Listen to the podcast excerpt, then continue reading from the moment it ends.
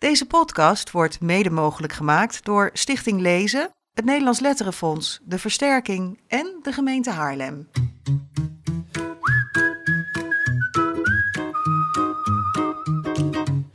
Welkom bij de Grote Vriendelijke Podcast. De podcast waarin we je bijpraten over jeugdliteratuur. We zijn alweer aanbeland bij de twintigste aflevering, Bas. Mijn naam is Jaap Frieso. Ik recenseer kinderboeken op jaaplees.nl. En tegenover mij, hier in de kinderboekwinkel Kiekenboek in Haarlem... zit mijn trouwe compaan, mag ik inmiddels wel zeggen. Hè? Bas Mariepaard, de kinderboekenrecensent van Trouw. Trouwe compaan. Trouwe ook, in- compaan, ook in die. mooi, ja. we gaan weer van alles doen. We mogen een prijswinnaar bekendmaken deze Alweer, keer. we worden wel een beetje de prijzen bekendmaken in de podcast. Ja, dus je moet hier naar luisteren om prijzen te horen.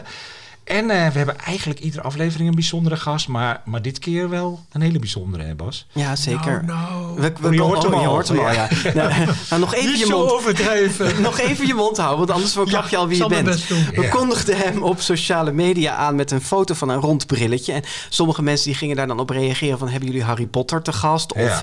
eh, misschien Joep van het Hek. Maar het is natuurlijk, het kon er eigenlijk in onze ogen maar één, één zijn. Dolf En hij, Verroen. ja, hij heeft een don- zijn ronde brilletje opgelukkig. Ja, Ja, gelukkig, ja. ja. Het is een karakteristiek brilletje dat ook terugkomt trouwens in de illustraties van Charlotte de Maton in zijn laatste boeken. Dolf Roen gaat al meerdere generaties kinderboekenschrijvers mee en volgende maand wordt hij 91. En dit jaar was hij de oudste winnaar van ooit van een zilveren griffel. Voor het boek Droomopa kreeg hij die prijs. En deze week verschijnt zijn nieuwste boek Niemand ziet het. Dolf, welkom. Nu mag je praten. Dankjewel. Welkom. Eindelijk, ik heb zoveel moeite gedaan om mijn mond te houden. Maar en nu weet ik niet meer wat ik zeggen moet. Nou, dan ga ik je een vraag stellen, want dat brilletje wil ik nog even weten. Heb je dat je hele leven al op deze manier, dat ronde brilletje? Ja, ik draag vanaf mijn derde jaar een bril. En eerst zo'n ziekenfondsbrilletje, weet je. Want de, ik heb een lui oog. En vroeger zei de oogarts dan... Nou, dan zetten we maar een nieuwe, nieuwe bril op. Hè, en die deed ze een beetje sterker. En eh, dat was in mijn lagere schooltijd heel vervelend. Want ik was dol op op samenspellen, teamspelletjes. Maar ik was nooit, nooit uitverkoren, want ik sloeg overal naast. en Arme ik was doodsbang dat mijn bril kapot zou gaan. Oh ja. Want ehm, ja, dat was duur, een nieuwe bril. En ja, daar moest je op passen. Dus het is een... eh, ja, dat vond ik niet erg leuk. Is dit de enige die je hebt of heb je er meer in verschillende kleuren? Ik heb er dertien. 13. Nou, dit is eigenlijk mijn veertiende. Zo. Echt waar? Ja? Ja, En zijn ze je- voor feestdagen of waar zijn ze voor? Nou, weet je, ik vind als je iets hebt wat niet zo leuk is, en, eh, dan moet je, moet je het een beetje laten zien. Ja. Dus ik dacht op een gegeven ogenblik, en waarschijnlijk een reactie op die armoedige brilletjes van vroeger, dat ik dacht, ik wil mooie brillen Wat hebben. excentrieker allemaal. En ik kwam een keer, was ik in Belvidere, de, de, het museum in Heerenveen. En daar kwam een meneer aan met een prachtige bril op. En ik omhelsde hem bijna. En ik zei, meneer, wat hebt u een mooie bril op. En toen zei hij, ja, ja, ja, die is ook heel mooi. En toen zei ik, zou u me willen vertellen waar u hem gekocht hebt? Mag, want ik wil hem zo graag hebben, vindt u dat erg? Nee hoor, zei hij heel triomfantelijk. In Venetië. Zei ik, dan gaan we nu naar Venetië.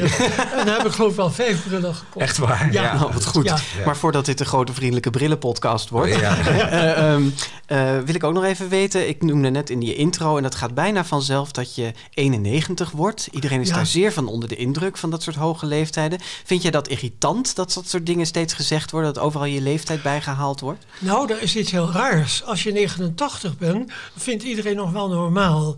Maar als je 90 bent, dan wordt er ineens een stempel op je gedrukt van... Ja, dat is eng. En vooral Eng? als je dan nog gewoon dingen doet, dan vinden mensen dat helemaal... eh, Maar hoezo eng? Kijk, een beetje eng. Ja, Ja? een beetje griezelig. Zo'n oude man die dan nog werkt en nieuwe boeken heeft. En Is die nog te vertrouwen ja, achter dat het stuur? En dat, maar ja. weet je, de overgang van 80 naar 90... Het is, misschien moet ik zeggen, toen ik 80 werd, vond ik dat helemaal niet zo'n punt.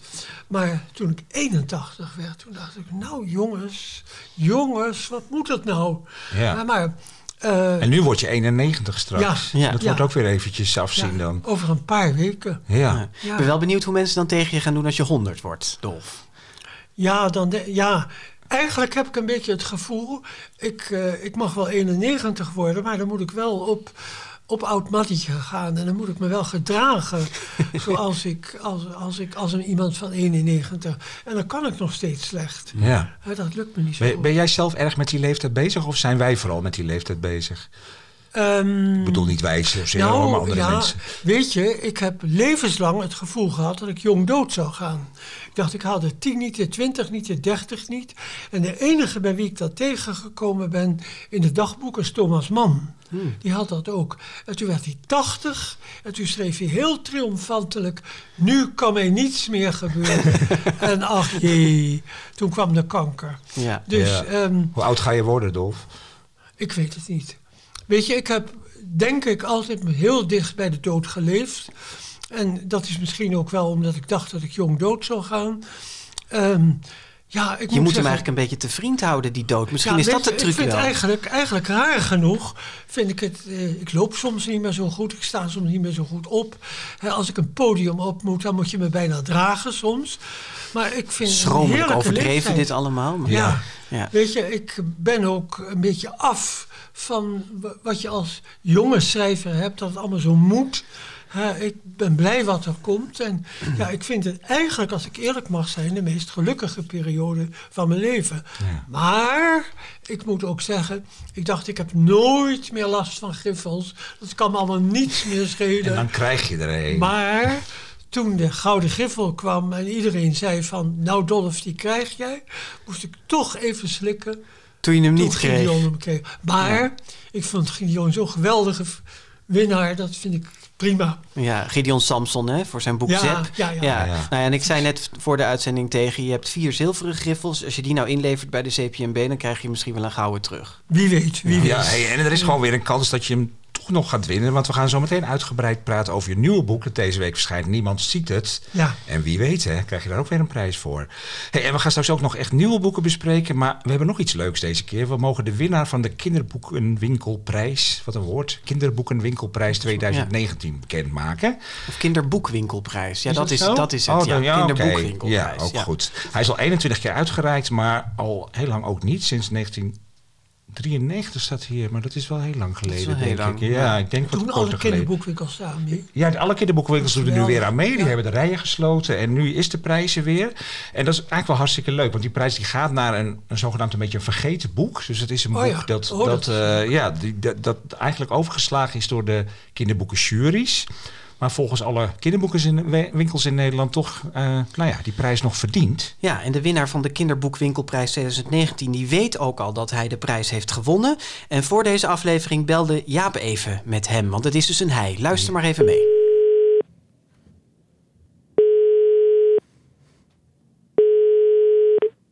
Met Mark Jansen.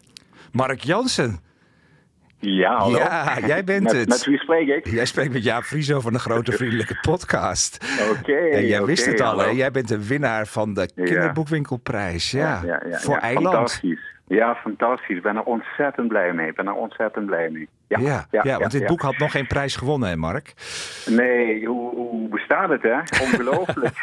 Ja, Nee, nou, het, het is, eh, ik, ik ben hier ontzettend blij mee. Het is, het is een hele mooie prijs eh, ja, van, van de, de mensen die, van, van de werkvloer, hè, van, van de winkels die eh, duizenden kinderboeken over de toonbank laten gaan. En dat juist deze mensen Eiland bekronen als, als een van de mooiste of beste, of nou ja, vul het maar in. Eh, boeken eh, die in aanmerking voor deze prijs komen, eruit is gerold. Daar ben Ja. ik alleen maar super blij mee. ja, en hij krijgt in ieder geval veel aandacht in de, in de kinderboekwinkels. Hey, vertel, Ja. nog, vertel nog even Eiland, hè? dat is een boek zonder tekst. Eh, en dat een beetje in een, in, een, in een reeks boeken staat, die tekstloze boeken, prentenboeken die jij gemaakt hebt. Hoe, hoe ziet dat Uh-huh. boek er in grote lijnen uit? Eh, Eiland is, eh, is, een, eh, is een verhaal over een meisje en een vader en een hond die schipbreuk lijden op, midden op de oceaan. En zij weten niet dat ze, of ja, dat is natuurlijk de vraag, dat, daar spreek ik me niet over uit. Ze weten niet dat ze op de rug van een, een reuze schildpad Ja. eh, zitten. En eh dit is de vraag van weet de schildpad dat en weet het meisje en de vader eh, of ze bovenop de rug zitten. Waar ben je nu mee bezig, Mark?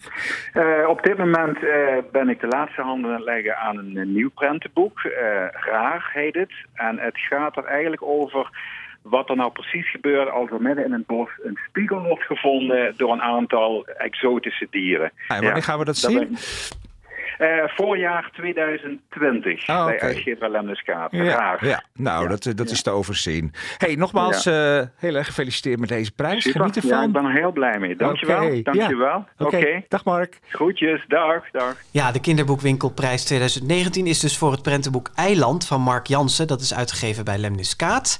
En Mark Jansen die krijgt de prijs op 13 december in kinderboekwinkel De Boekenberg in Eindhoven. Ken jij het boek, Dolf? Eiland van Nee, Mark Jansen? helaas niet. Het is een prachtig... Ik vind het heel eh, mooi. ja, en ik vind het ook echt wel zo'n boek waarvan ik dacht... hé, hey, dat is inderdaad overgeslagen. Dat is bij nou zo erg. Als je zo'n prijs gekregen vraagt iemand een heette ken ik niet. Ja. Dat is toch afschuwelijk. Nou, het is Ja. Sorry, sorry. Zo'n zo'n prijs is juist dan nu een reden Ik om het eens te het gaan. Ja bekijken. hoor, je hoeft toch? niet alle boeken te kennen. Maar dit is wel echt een heel mooi boek. Ja. Het is een tekstloos prentenboek. En eh, ik vind het erg mooi dat hij de prijs heeft gekregen. Ja, zeker weten. Ja. We gaan naar de boeken, Jaap. Ja, we gaan andere boeken Het bespreken. eerste is ook een prentenboek. Ja, dat is ehm, Slaap Lekker. Dat is een prentenboek van...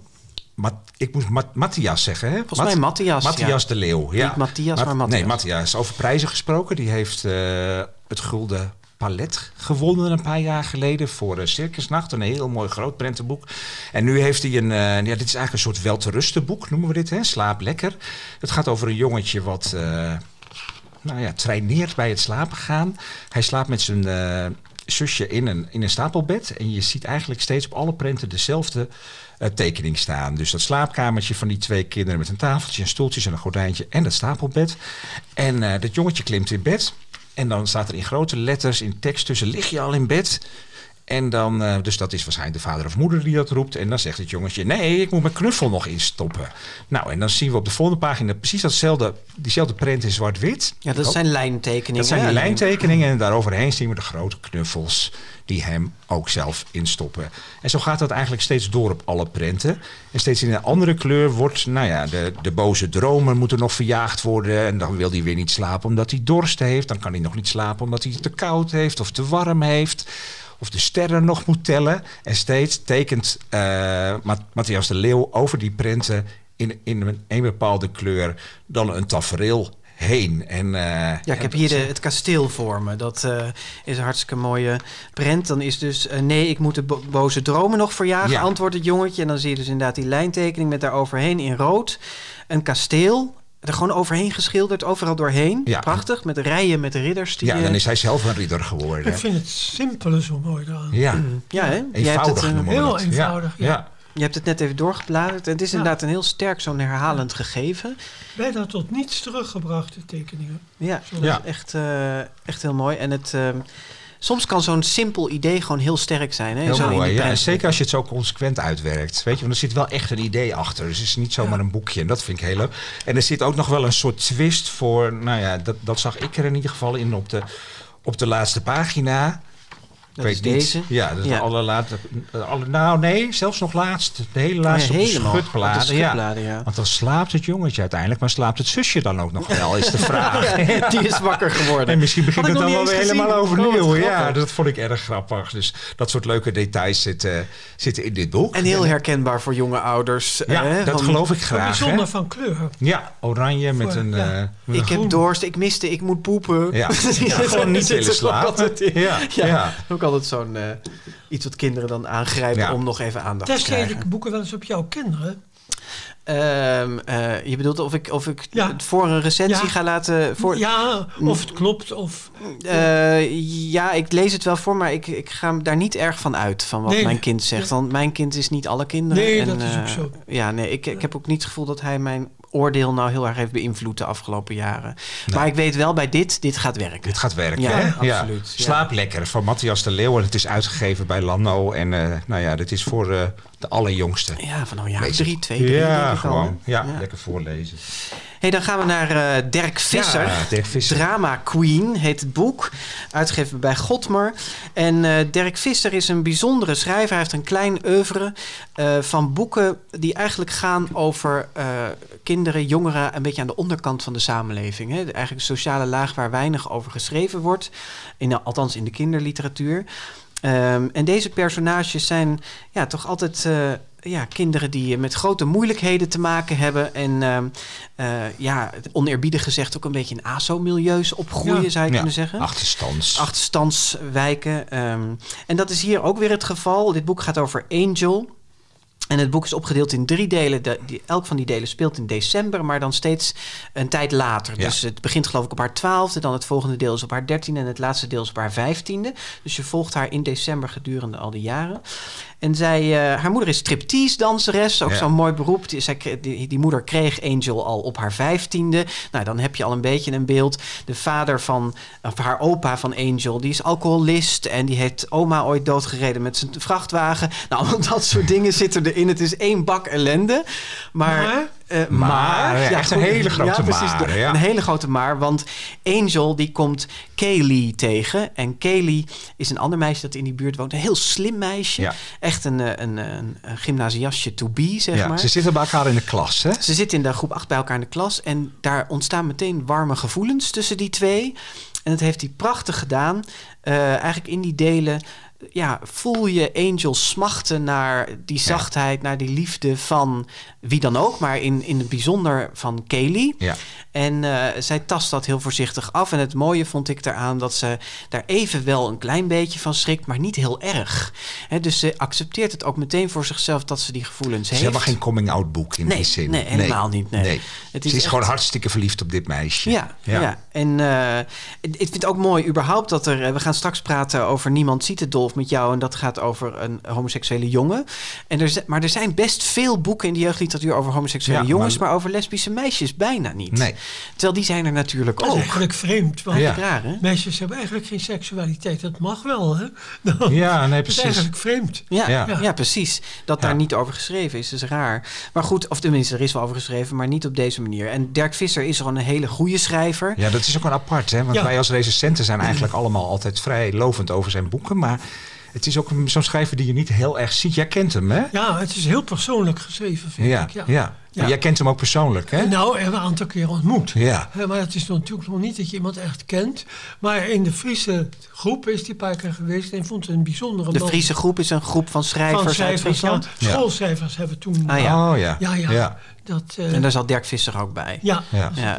ook bij. Nou, het is heel rauw, het is heel... Wat ik heel eh, mooi vond, ja? als ik dat nog even mag Ja, zeggen, is dat hoe die, Heel ingetogen man. Ja, oké. ja. Ja. Maar hoe die moeder omgaat met haar en haar gevoelens. Weet je, want dat is eigenlijk zonder dat ze echt. Die moeder gaat het, he- vindt het heel vanzelfsprekend. Gaat er heel lief mee om. Ja. En zegt ook echt van. Kind, wat fijn dat je verliefd bent. En, eh, en Ja. dat is in, die, in dat hele rauwe milieu. Vind ik dat op een of andere manier heel, heel aandoenlijk. Omdat die moeder eigenlijk zelf ook nog een beetje een kind is. Op een Ja, dat vind ik er ook zo mooi aan. Ja. Die kreeg Angel dus op haar vijftiende. En dat merk je ook, die, die, die band tussen die twee is heel close. Dus het is echt eh, bijna meer vriendinnen dan Ja. moeder en dochter. Ze keten ook vaak met elkaar in huis. En allemaal gekke dingen, champagne over elkaar heen spuiten. Allemaal dingen die gewone moeders nooit zouden toestaan, weet je wel. Maar dat, dat gebeurt hierin wel. En dat vond ik eigenlijk naast die liefde tussen Kaylee en Angel, die heel subtiel wordt uitgewerkt, vond ik de liefde tussen moeder en dochter ook echt een fantastisch element in dit boek. En ik denk wel dat dit een boek is dat voor een misschien iets groter publiek wel eh, ehm, toegankelijk is dan zijn vorige Ik hoop boeken. het, ik hoop het echt, want hij verdient het. Ja, ja, dit verdient Ja. hij echt. Ja. De Volkskrant schreef een van de mooiste jeugdboeken van dit jaar. En eh, Ja, daar, sluiten wij ons bij eigenlijk aan? Ja, ben ik Ja. het wel mee eens. Ja. Ik had wel een beetje moeite met de hoeveelheid ellende. En ik weet dat dat ook naar de waarheid is. Hè, maar ik vind dan Ja. altijd in zo'n boek moet het wel ook een beetje te behapstukken Nou, blijven.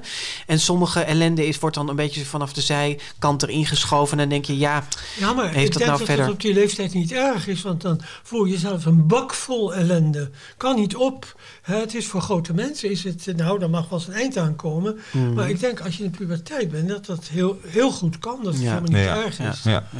Nou, over ellende gesproken, zullen we naar het volgende? ook, ook al ellende. Ja. ja, want dat is. eh, dit was trouwens, eh, ik vind het goed om het altijd even goed af te ronden. Hè? Ja. Drama Queen van Dirk Visser. En het is uitgegeven bij eh Godmer. En Super gedaan, ja. wij gaan dat voor 12 plus, denk ik, eh Ja, zeker aanbevelen. wel. En dit is denk ik ook een 12 plus boek, of misschien iets ouder. Ik denk wel 13, 14 13, plus. 14 plus, ja. Dat is eh Pizza Mafia Slador van Galit Boudou.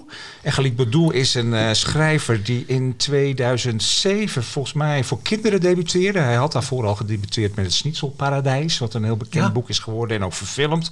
En toen eh, debuteerde hij voor kinderen met, eh, met Pizza Mafia. En dat werd eigenlijk ook een heel groot succes. Is ook verfilmd. Ja. Of een, eh, ja, is ook verfilmd. En nu, twaalf jaar later, is er ineens Pizza Mafia slaat door. Nou, hij schreef tussendoor Hij nog wel andere boeken. ja, maar- en ook nog een boek waarin deze personages wel een beetje voorbij komen. Oh, dat weet ik even Ja, niet zeker. meer, Ja, iets met Haas, met Haas in de titel. En. Haas is ook de hoofdpersoon van een van deze boeken. Nou, het is een heel alderslag boek. In die zin dat het wel weer, ook wel weer in een apart milieu plaatsvindt. Hè. Dit zijn ook eh, VMBO-kinderen, zeg maar. En eh, ja, dit is een heel apart ei- eigen genre. Genre? Genre. Genre, genre, genre, Schmid zei altijd een soort genre. een soort, soort genre. ja. Nou ja, dit is het soort genre van een, eh, een rauwe, snelle, multicultureel eh, Actie. actie. Boek. Weet je, dit Ja. gaat maar door. Het zit soms tegen het karikaturale en het overdrevene aan. Maar het leest als een tierenleren. En het is heerlijk om te lezen.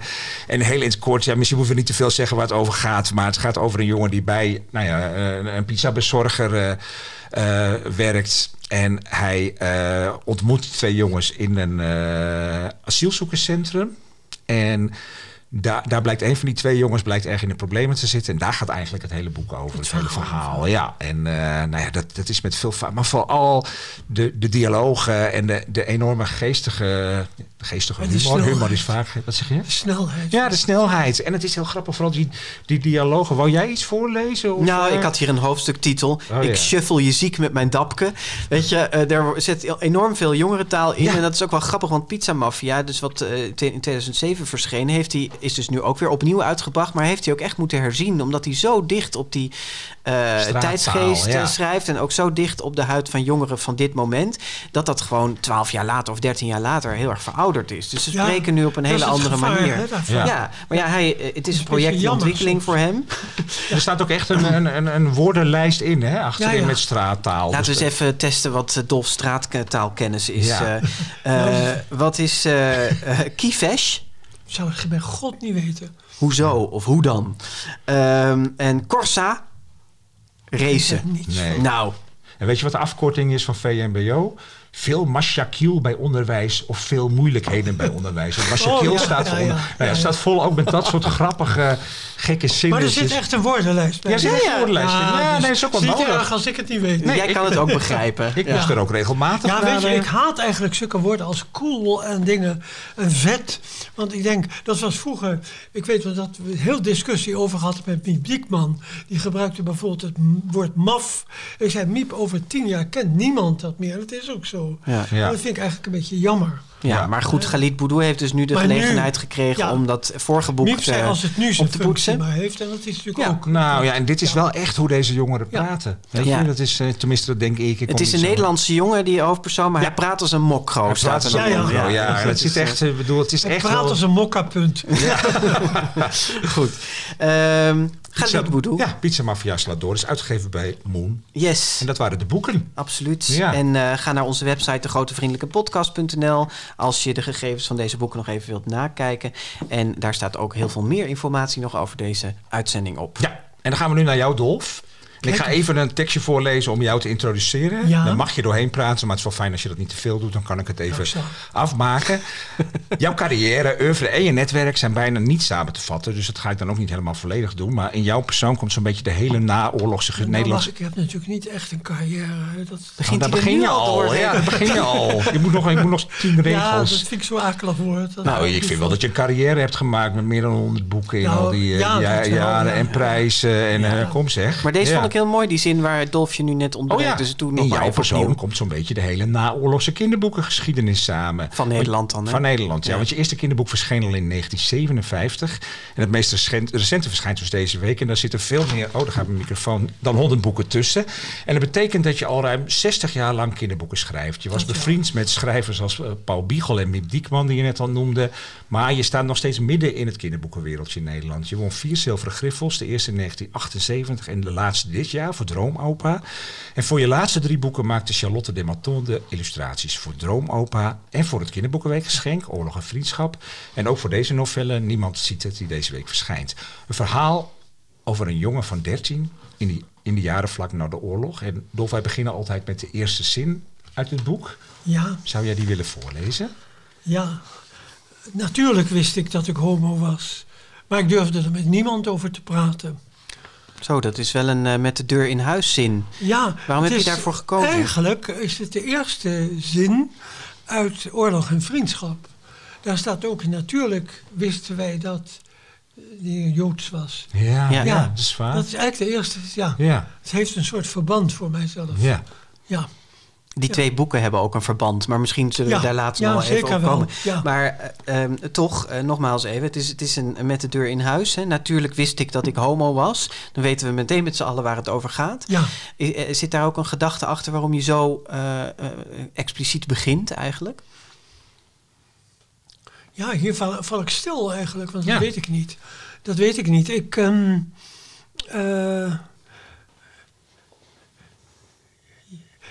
ja, ik, ik denk dat het een soort aanknopingspunt was met het vorige boek. Ja. Wat in de oorlog speelt, en dit speelt in 1947. Ik denk dat het daar iets mee te maken Ook denk ik dat ik inderdaad meteen wilde zeggen waar het over ging. Ja. Wat ik best niet eh, heel makkelijk vond. Om daarover te gaan schrijven, bedoel je? Ja, om dat zo expliciet te zeggen. Dat, eh, ik denk nu nog, misschien zetten mensen wel verschrik alles uit.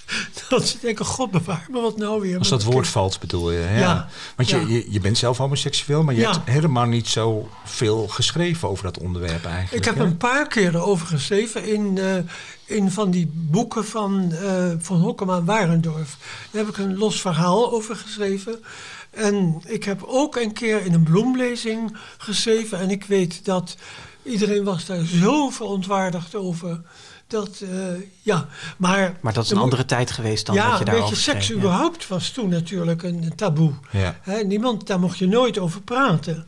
Hè, dat, eh, zelfs, ja dat, ja, dat was gewoon zo. Ja, maar je hebt dus, vind ik wel interessant, je hebt dus zelf een soort huiver nog steeds bij dat woord homo. Dat voel je nog. Ja, ik, met lezingen heb ik bijvoorbeeld in klassen heb ik toch altijd heel last van gehad dat als kinderen vragen ben je getrouwd.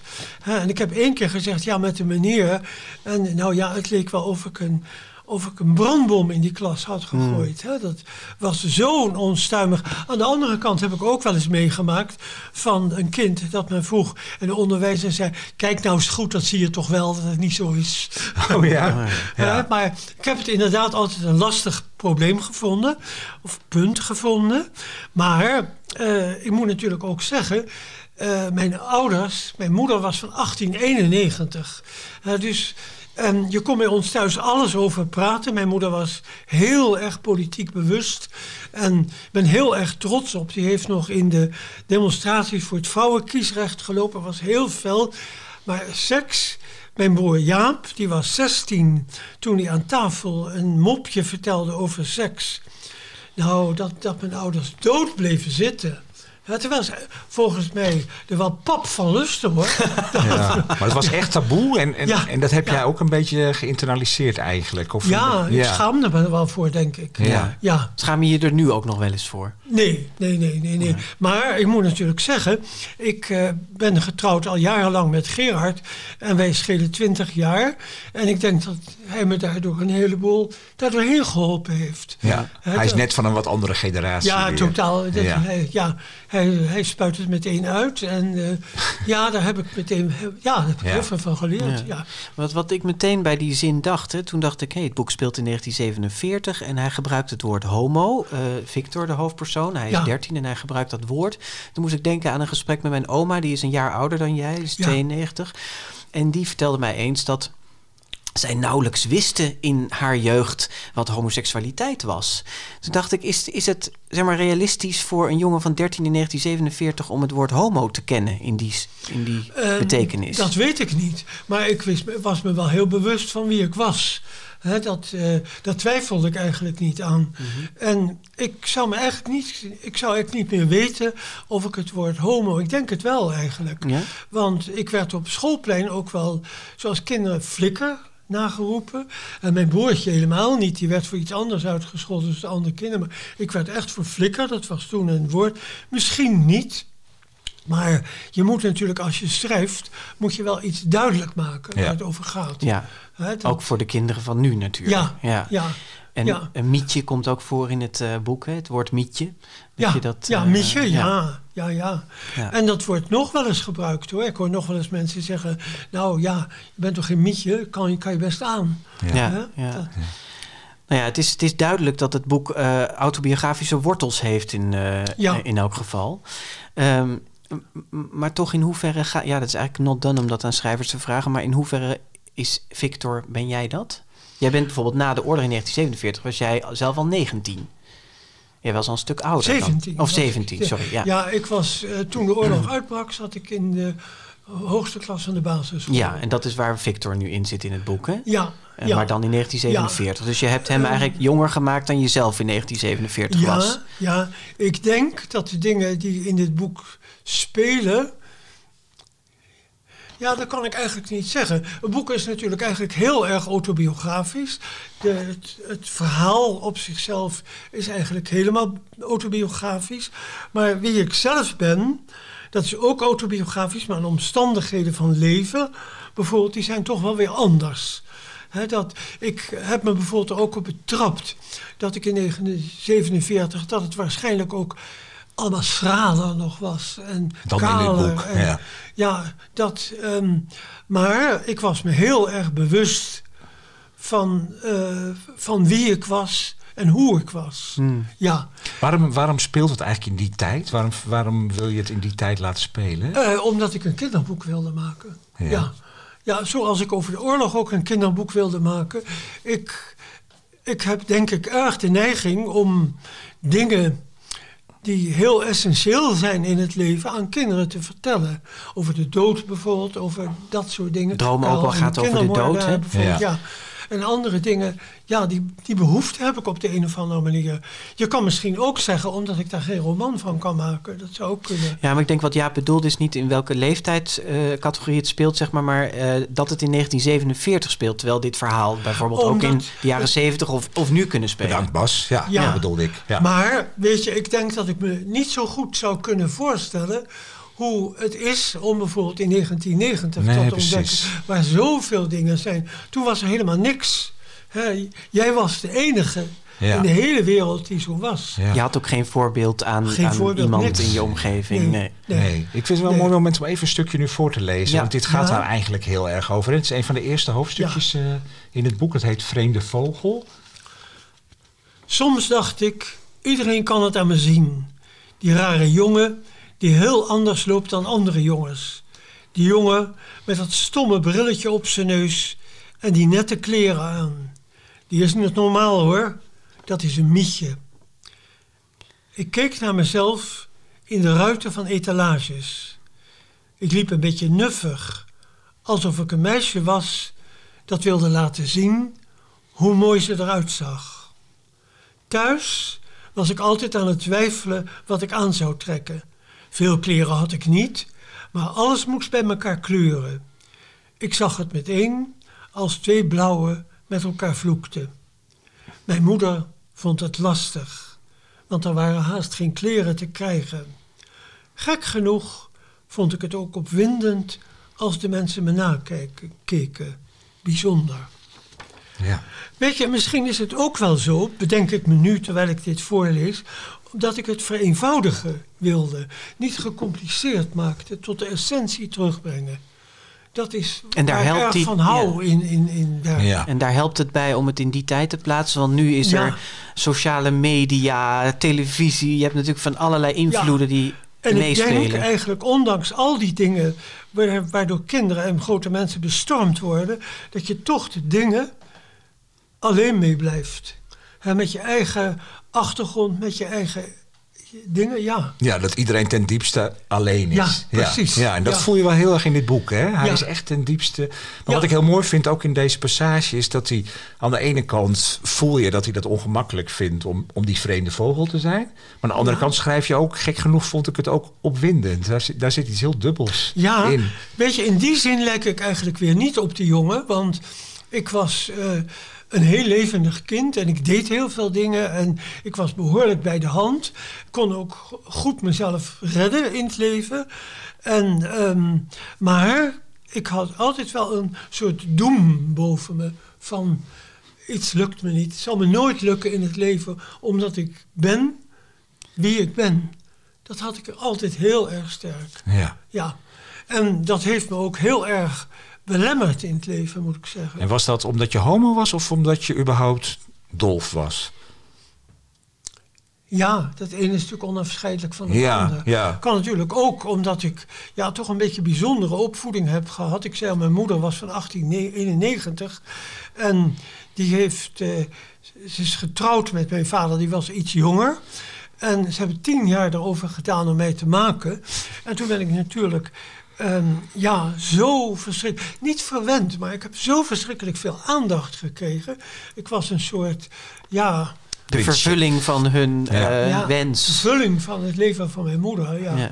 En ik denk dus, was een eh, goed nadenkend iemand, dat ze ook wel besefte dat het misschien de vervulling niet was. Dat zou ook nog kunnen. Ja. Ja. Of misschien dat jij bang was dat je die vervulling Ja, niet was. ik heb raar genoeg, maar misschien heeft dat ook met de oorlog te maken, of misschien hiermee. Ik heb levenslang een ontzettende. eh, niet levensangst, dat heb ik helemaal niet, maar wel grote onzekerheid en twijfel aan mezelf gehad. Hè, dat, ehm, laatst ehm, zei jij, geloof ik, of iemand anders, nee, ik denk dat jij. Je wijst was. nu naar Jaap. Ja. Ja, ik wijs naar Jaap toe. Jaap had geschreven dat met eh, illustraties, de tekeningen van eh, Charlotte, dat dat zo hoorde, dat bij wijze van spreken de woorden, ja, ik kan niet meer helemaal precies zeggen, maar toen dacht ik, oh god, ja, misschien zijn die woorden toch maar helemaal niet zo bijzonder. Oh, dus van dat die tekeningen zo Ja. eh, bijzonder waren dat Ja. de woorden soms niet nodig waren of Ja, zoiets? ja, Ja, ja, ja. oh, ja, ja. ja. Ik heb je Ja, in ja. crisis gestort. Oh. ja. Nou, niet nee hoor. een crisis, maar Ja. dat is het teken Ja, dan van ga je mezelf. toch twijfelen, ja. Ja, Ja, ja. ja, Ja. dat is, eh, Ja, ik twijfel altijd aan mezelf voor Ja. alles wat ik doe. Ja? Ja. Ook op je Ja. negentigste nog? Ja, ja, ja. Ongelooflijk. Ja. ja, je zou ho- eh, Maar ik kan het wel beter verdragen. Oké, ah, oké, ja. dus dat, dat wordt beter naarmate je ouder ja, wordt. ja, ja. Dus je Het wordt is er een- niet ongelukkig van. Maar... Nee hoor, ik word Nee. niet ongelukkig. Ik ben een heel gelukkig mens. Het is een weinig eh, geruststellende boodschap voor, voor iemand van 37, kan ik je zeggen. Dat, dat je op je negentigste nog... Nou ja, Ja. weet je, ik besef nu eigenlijk pas hoe ontzettend geluksvogel ik in het leven geweest ben.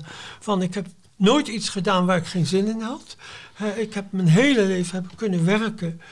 Ik kan vanaf 1970 kan ik leven van mijn werk. Nu op, nu op dit moment zou ik het niet meer kunnen. Maar nou hoef ik het ook niet meer. Maar ik heb mijn hele leven heb ik kunnen leven kunnen sparen en kunnen ja, als een oude vrek kunnen leven.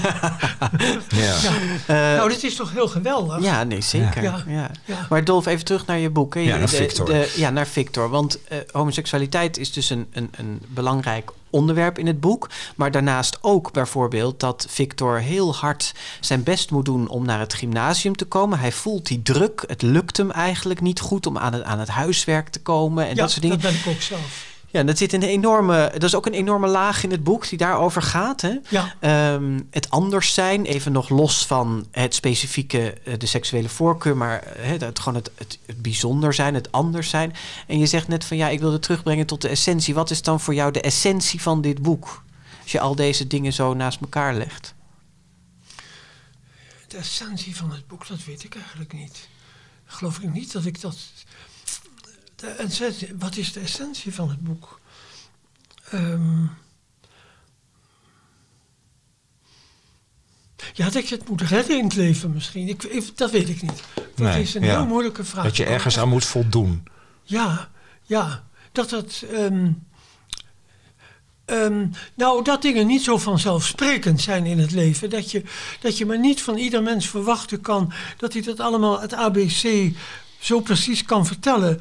Dat, ehm, dat, dat, dat de mens een mank, mank been heeft. Dat is misschien de essentie van het boek. Ja, dat is mooi gezegd, ja. Want Ja. Dat, dat voel ik er ook wel in. En dat je op dat manke been moet leren lopen. Dat is het Ja, ja. eigenlijk. Ja. ja.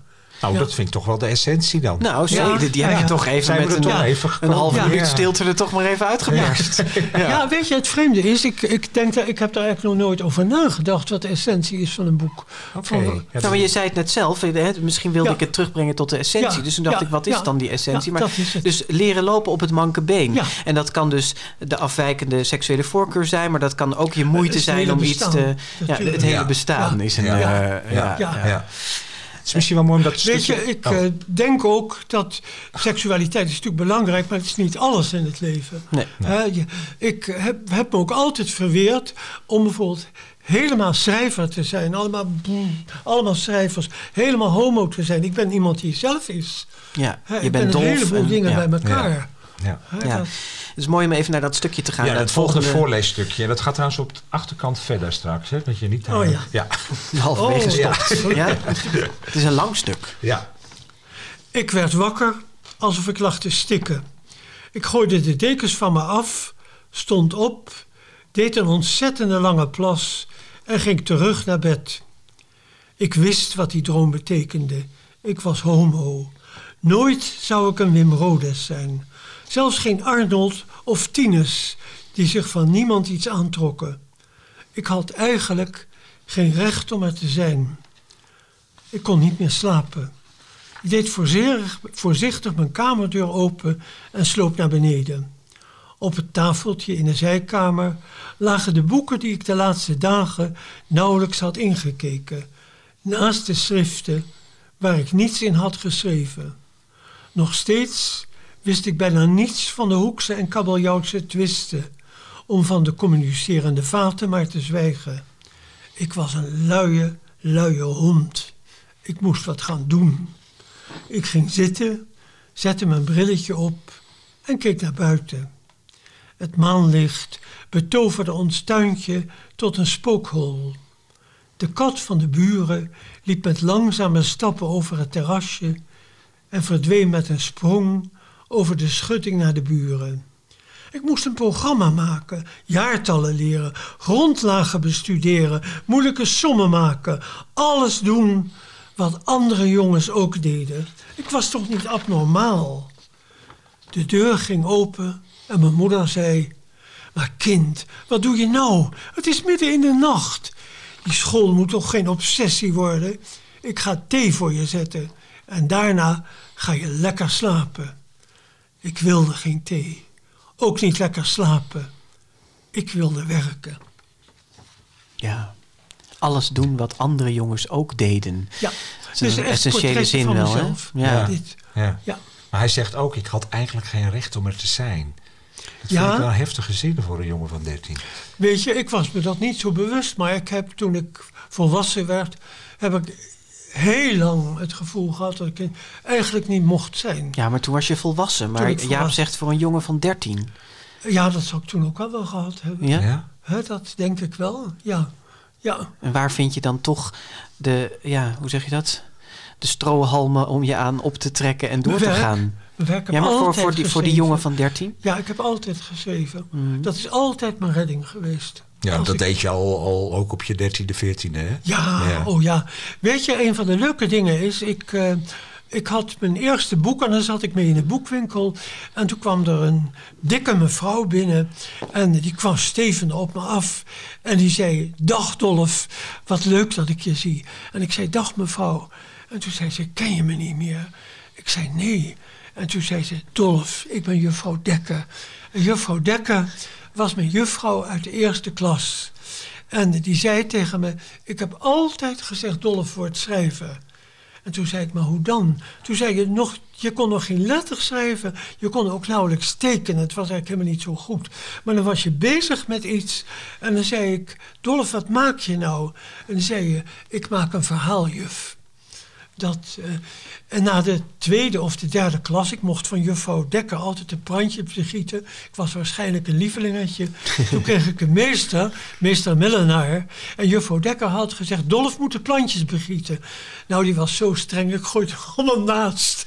Dus, ja, Je sidderde voor, voor de meester. Ja, Ja, ja. Ja, Maar wat is voor Victor, want ja, het loopt dus heel erg door elkaar, merk ik, hè, Dolf en Victor. Maar wat is voor Victor dan die strohalm om zich aan vast te houden? Waarom gaat hij door en waar vindt hij de kracht om toch... eh, ik denk, ik denk door zijn vader, denk ik, in dit boek. ja, hè? Dat, ik denk, zijn vader doet heel veel moeite voor hem. En ik moet zeggen, dat is een tegenstelling. Mijn vader deed dat helemaal niet. Mijn vader was toch een beetje een vlierenfluiter, een best wel aardige man. Maar die het eh, niet zo goed getroffen had in het leven. En die, eh, ja, die kon helemaal ook niet opvoeden. En dat, dus ik, ik, eh, ik denk dat het een beetje een wensvader is voor Ja. mij in dat boek. Ja, Het is ook echt ja. een hele lieve vader. Het is een hele lief vader, ja. Ja, Ja, zijn ja, het is allebei. een hele lieve vader.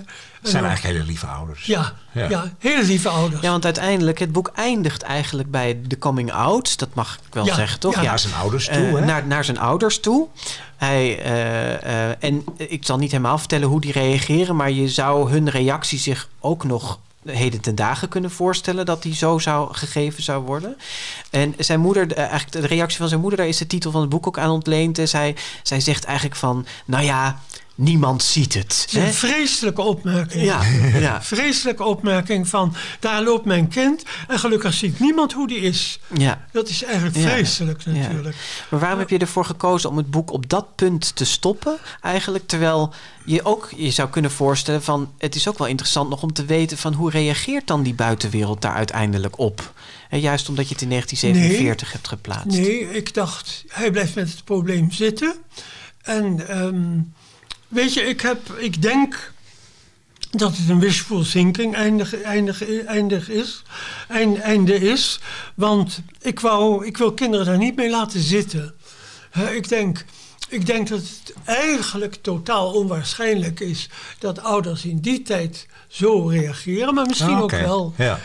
Misschien ouders zijn natuurlijk vaak ehm, dat ze alles de, de zonde bedekken. Binnen Mijn ouders houden. waren niet zo. Mijn ouders zouden denk ik niet, maar dat weet ik ook niet. Nee, maar je hebt het eigenlijk iets positiever laten eindigen... Ja. dat je denkt dat het Ja. in werkelijkheid Ja. geweest zou zijn. Nou, dat vind ik dat moet. Ja. Ja. Ja? Ik vind dat ouders, ja. Ik vind, je mag ouders kinderen wel laten vallen, maar dat moet het begin van een boek zijn. Mag je niet mee eindigen. Voor mijn gevoel althans. Ja. Ik zou kinderen niet met dat, dat Opzadelen. vreselijk gevoel. Ja. Ja, dat zou ik niet willen. Ja. Nee. Ehm, jouw laatste drie boeken zijn geïllustreerd door Charlotte de Ja. Maton. Ja. Eh, dit boek dus ook weer. Het kinderboekweekgeschenk Oorlog en Vriendschap was eh, door haar geïllustreerd. En Droomopa. Daar had ze een heel groot aandeel. En ehm, we hebben haar gevraagd om iets tegen jou te zeggen. Daar gaan we nu even naar luisteren. Hallo Dolf, hier is Charlotte, Charlotte de Maton, je weet wel. Wel eens, heel zelden, kom je iemand tegen met wie het voelt alsof je altijd bevriend bent geweest. Nou Dolf, zo iemand ben jij. Jij bent al een vriend voordat wij elkaar kenden, was je al een vriend voor mij. Toen ik voor het eerst iets voor je moest tekenen, ging dat ook vanzelfsprekend. Dat was toen voor het kinderboekenweekgeschenk. En ik las het en herkende de stem van mijn moeder ook, die net zo oud als jij. En dat dus ook heeft meegemaakt.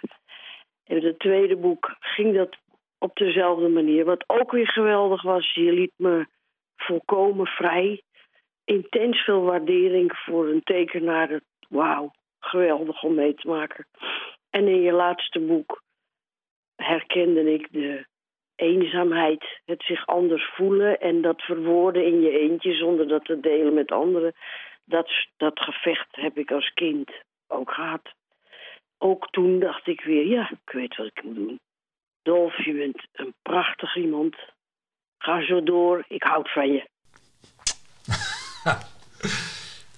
Ja, Charlotte. Weet je, Charlotte de Maton. Ja, we zijn elkaar ooit tegengekomen in eh, Gouda, waar een heleboel mensen, schrijvers en tekenaars, zo'n korte lezingen gaven. En toen zagen we elkaar onderweg en toen zeiden we, zouden iets met elkaar willen doen. Maar waar het op berustte, weet ik niet. En toen is dat met het kinderboekenweekgeschenk ineens bij elkaar gekomen. En ehm, ja, ik, ik, ik weet niet wat ik met Charlotte heb. Ik denk dat het, de dat het de intensiteit is die we allebei op dezelfde manier hebben. Weet het niet, maar weet je, ik. ehm, Het klinkt bijna alsof jullie elkaar een beetje te laat zijn tegengekomen. Weet je, dat het zo... nee, dat is nooit te laat. Nee, hij wordt 100, dus er kunnen nog dat 10 waar, boeken komen. Ja. Maar ik vond Ja. het zo'n mooie zin van haar. Van jij, je was al een vriend van mij voordat we elkaar kenden. Ja. Dat is toch prachtig als dat je gezegd wordt. Ja, ja weet je, ik ben ontzettend blij dat ze mijn boeken wil illustreren. Want het is eigenlijk geen illustreren, het is een soort samengaan. En wat ik eigenlijk het liefst zou willen, is dat we ooit een echt boek samen zouden maken. Echt het zelf bedenken, het zelf helemaal samen zitten en samen te doen. Maar ja, dat is, heeft natuurlijk ook haar eigen dingen. En ik, eh, ja, ik had bijvoorbeeld ook een hele leuke samenwerking met Tito King. Ja. Maar, want het is natuurlijk toch altijd zo dat je schrijft het en de ander leest het. En, die interpreteert dan, het en doet er zijn eigen... Ja, en daarom zou ik het zo fijn vinden om met Charlotte ooit iets te maken... wat echt helemaal van ons samen was. Dus echt samen aan de tafel Samen aan zitten. de tafel, ja. Ja, en ik denk dat dat zou moeten lukken. Nou ja, wat, wat zij... Ik sprak haar eh, nadat we dit hadden opgenomen nog even. En toen Ja. zei ze... ehm, wat, wat ze ook nog wat ze vergeten was te zeggen, zei ze... is dat als ze een tekst van jou krijgt... dat ze dan eigenlijk nooit hoeft te pijnzen van... wat moet ik hier nou mee? Weet je, dat ze onmiddellijk eigenlijk beelden in haar hoofd krijgt bij jouw woorden. Dat is ook wel een groot compliment. eh. en geeft ook aan dat jullie elkaar dus haar fijn aanvoelen. Nou, weet je, toen we het Boekenweekgeschenk eh, maakten... toen werden wij gefotografeerd in het eh Tropenmuseum. En, De persfoto's werden gemaakt. Foto's, ja. En door Van der Griend hele leuke foto's. En Charlotte die kwam een beetje s- schoorvoetend, schuifelend binnen. En die liet aan Gerard liet ze de eerste omslag zien. En ja, ik vond die ontroerend mooi.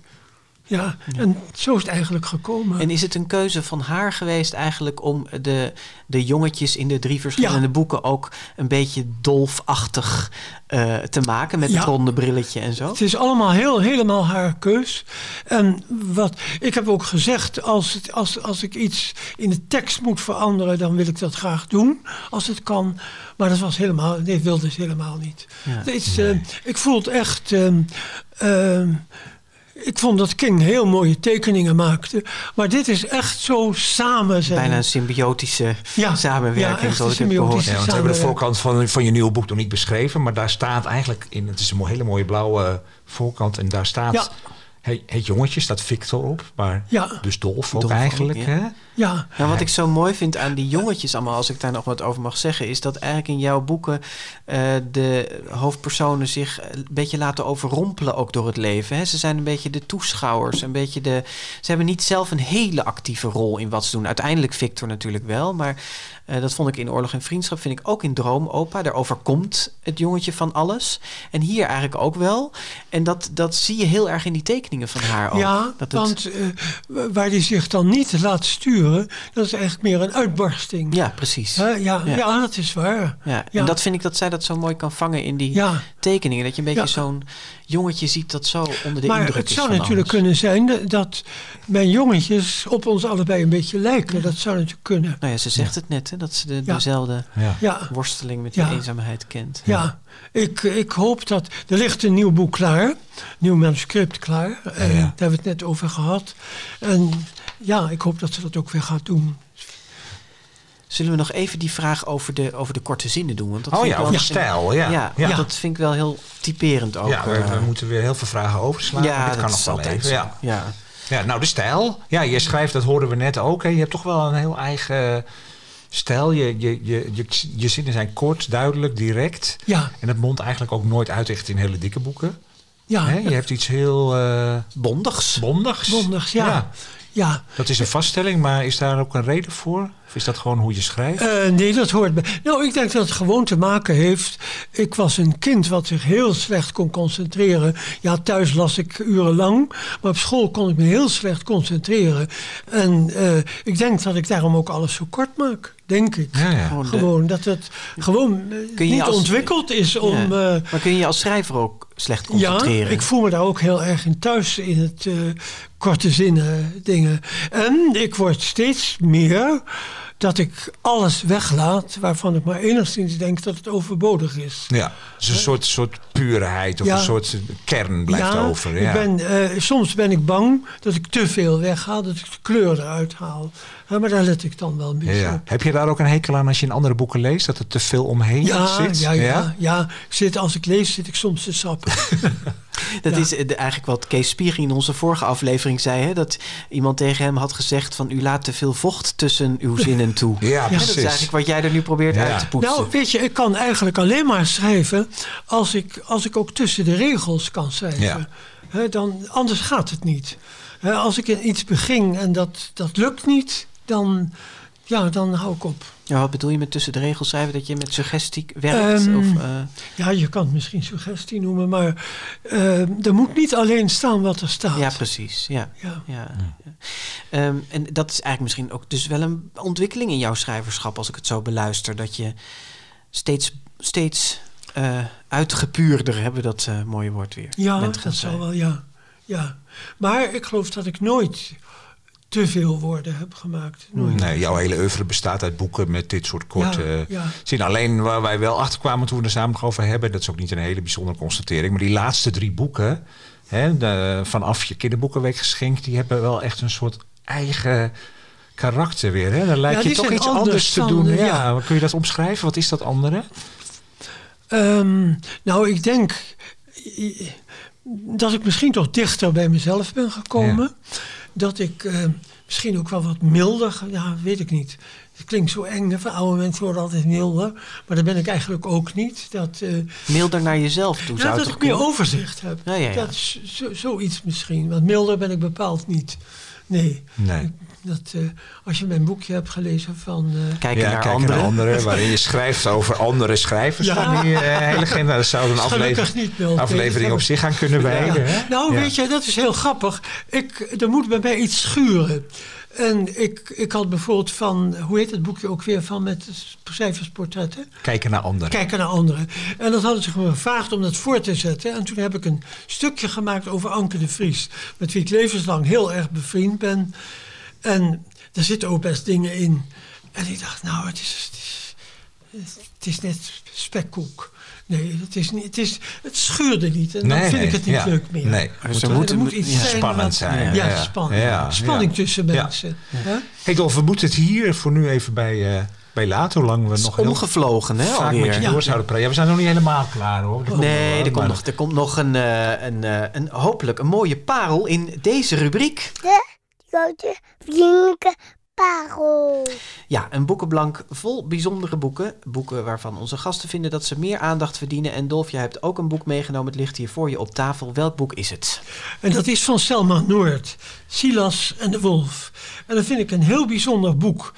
Uh, ik heb het al heel lang geleden gelezen. En het is nooit uit mijn gedachten weg. En dat komt, het begint eigenlijk heel eenvoudig. Een moeder die weduwe is geworden met een jongetje. En die moeder gaat werken in het grote huis. En het verhaal heeft zo'n ruimte. Zo'n on-Nederlandse ruimte. Dat vond ik echt prachtig. Ze gaan wonen boven het bakkertje. Gebeurt eigenlijk niks bijzonders in. Het, uh, die jongen heeft iets met de wolven. Maar de manier waarop het geschreven is. De manier waarop het inzichtelijk gemaakt is, vind ik zo bijzonder. Dat heb ik eigenlijk nog nooit gelezen. En daarom heb ik dit boek gekozen. Um, ik vind dat Selma Noord eigenlijk een hele goede schrijver is. Um, ik denk soms dat ze de rust zou moeten hebben om iets heel goeds te willen maken. Ik vind het eigenlijk nog steeds jammer dat ze bijvoorbeeld niet een uh, opdracht voor kinderboekenweekgeschenk nee. heeft gekregen. Maar schrijft ze te veel, bedoel je dat eigenlijk? Ja, ja, ik denk dat ze soms te veel schrijft. Maar dat kleeft ons alle aan natuurlijk. Ja, we, moeten, we moeten door. Ik vind ook van mezelf dat ik best minder dingen had kunnen doen. Dat er best kritischer op had mogen zijn. En dat is natuurlijk ook een soort... Dit vind ik zo'n bijzonder boek. Dat zou in alle talen zou het een prachtig boek zijn. Het is ook grappig, of grappig, het is ook bijzonder hoe het van zo'n ruimtelijke, bijna, ik wou zeggen Calvinistische, maar ik bedoel Scandinavische ja, het is bijna, ruimte, ja. naar ineens Nederlands wordt. Ja, want dan komt de Sinterklaas-sfeer ja, komt erin ook. Het is een mooi boek voor de komende tijd. En daarom vind ik dat, dat mensen dat moeten lezen, dat boek. Ja. Ja. Dus uh, wij hebben het ook allebei gelezen. We hebben het allebei gelezen. Ik was er heel uh, aangenaam uh, verrast over. Ja, wordt zij een beetje onderschat voor jouw gevoel? Um, ja, dat weet ik niet. Um, weet je, je voelt je natuurlijk allemaal gauw onderschat. Ja. Dat, Ze heeft wel uh, Griffels gewonnen bijvoorbeeld. Uh, Selma. Ja, ik, ik vind dat dit boek misschien toch wel te kort is gekomen. Ja, ja, ja. dat vind want ik vind dit in haar oeuvre een heel opmerkelijk, maar ook in de Nederlandse kinderliteratuur vind ik dit een heel opmerkelijk boek. Het is jammer, en ik heb dit ook gekozen omdat um, heel veel schrijvers schrijvers voor volwassenen, ook voor kinderboeken, die kiezen dan iets wat helemaal buiten onze eigen wereld ligt. Iets van, Een van Amerika of dingen. En ik wilde juist iets kiezen wat van onszelf is. Oh, een boek bedoel je? Sorry, ja, ik zeg Ja. verkeerd. Ja, Ja. nee, ja, ik snap en het. dan vind ik dit echt een heel Ja. bijzonder Nou, mooie keuze. En, en we zetten het nu eh, virtueel, zeg maar, zetten we het op onze grote Ja, vriendelijke Ik vind parel. dat iedereen dat boek moet lezen. Ja, nou, eh, Genoteerd. waarvan akte? Ja, zeker, zeker. Ja. Dan blijft er nog één ding over waar, wat we je willen vragen. Daar En mag je ook nee op zeggen, hè, maar liever niet. De laatste zin van het boek, geeft hij te veel weg of kan je hem voorlezen aan ons? Die kan ik voorlezen. Want voorlopig viel er niets te vrezen. Kijk, Oh, ja. dat, dat is nou een eh, hele goede... Dat is een Op- mooie ja, dat is een Nou ja, we hebben echt een ja. mooie eerste zin en een mooie laatste zin Ja. die heel veelzeggend eh, zijn. Dat ja. zegt hopelijk ook veel eh, over het boek. Hè? Ja. In de bladzijden ertussen. Niemand Het ziet het. Ja, het Ja. verschijnt eh, deze week. En eh, nou ja, het is een Ja. beetje het einde van dat drieluik. Of einde, maar in ieder geval het Ja. derde deel van dat Nou, drieluik. weet je, ik heb het gevoel dat het boek misschien het onderwerp best eens op een juist moment kan vallen. Ik heb ook vaak dingen geschreven die te vroeg waren. Eh, en ik, heb, ik hoop dat het een beetje op. eh, dat de mensen niet denken: oh god, een homoseksueel kind, wat moet het daar nou mee? Dat kan maar het toch? kan nu. Het kan nu. Dat is jouw ja. gevoel. Ja, ja. Je moet het allemaal lezen. Ja, Dolf, heel erg bedankt dat je helemaal vanuit je woonplaats Sint-Nicolaas Ga eh, naar Haarlem bent gekomen. En dat wilde doen ook voor ons. ehm, om met ons te praten. ja Dit heel was- erg bedankt. Ik Ja. vond het een eer. En een, Nee, jullie bedankt, want ik vind het heel fijn dat ik dit komen mocht. Nou, Heel eh, erg eh, graag gedaan. De eer is echt geheel onzerzijds. Ja. Eh, eh, zeg je dat zo? Onzerzijds? Ja, onzerzijds. whatever. Ja. Eh, niemand, nie- ja, precies. Niemand ziet het. Niemand heeft ook dit gezien trouwens. Maar eh, het is allemaal te beluisteren gelukkig. Ja. Ehm, dit was de twintigste aflevering van de Grote Vriendelijke Podcast. Laat vooral weten wat je van de GVP vindt in je podcast-app. En volg ons op de socials, Twitter, Facebook, Instagram of Goodreads. En we zijn door een samenwerking met Luisterhuis eh, sinds kort ook te beluisteren in een aantal apps en webwinkels voor luisterboeken. Zoals Luisterrijk en Libris. We zijn overal. Ja, Ja, en eh, we waren hier op maandag 28 oktober. Daar namen we deze podcast op in kinderboekwinkel Kiekeboek aan de Gierstraat in Haarlem. Dank weer aan onze onvolprezen technicus Mark Brouwer. En eind november zijn we er weer. Dan met niemand minder dan het veelbekroonde duo Bette Westra en Sylvia Oh, Wegen. ja Sylvia, Ja. die Ja. won, won dit jaar de Max Veldhuisprijs. Precies, ze hebben weer een grootheid. Grote en, en Bette is natuurlijk ook een veel bego- bekroond schrijver. Natuurlijk Ja. voor het prachtige Doodgewoon. Ja. En daar hebben ze nu min of meer een vervolg op geschreven. Dat heet Uit elkaar. En dat gaat over relaties en echtscheidingen. En daar gaan we dan uitgebreid over praten. Over hun samenwerking en, en, en, en illustraties.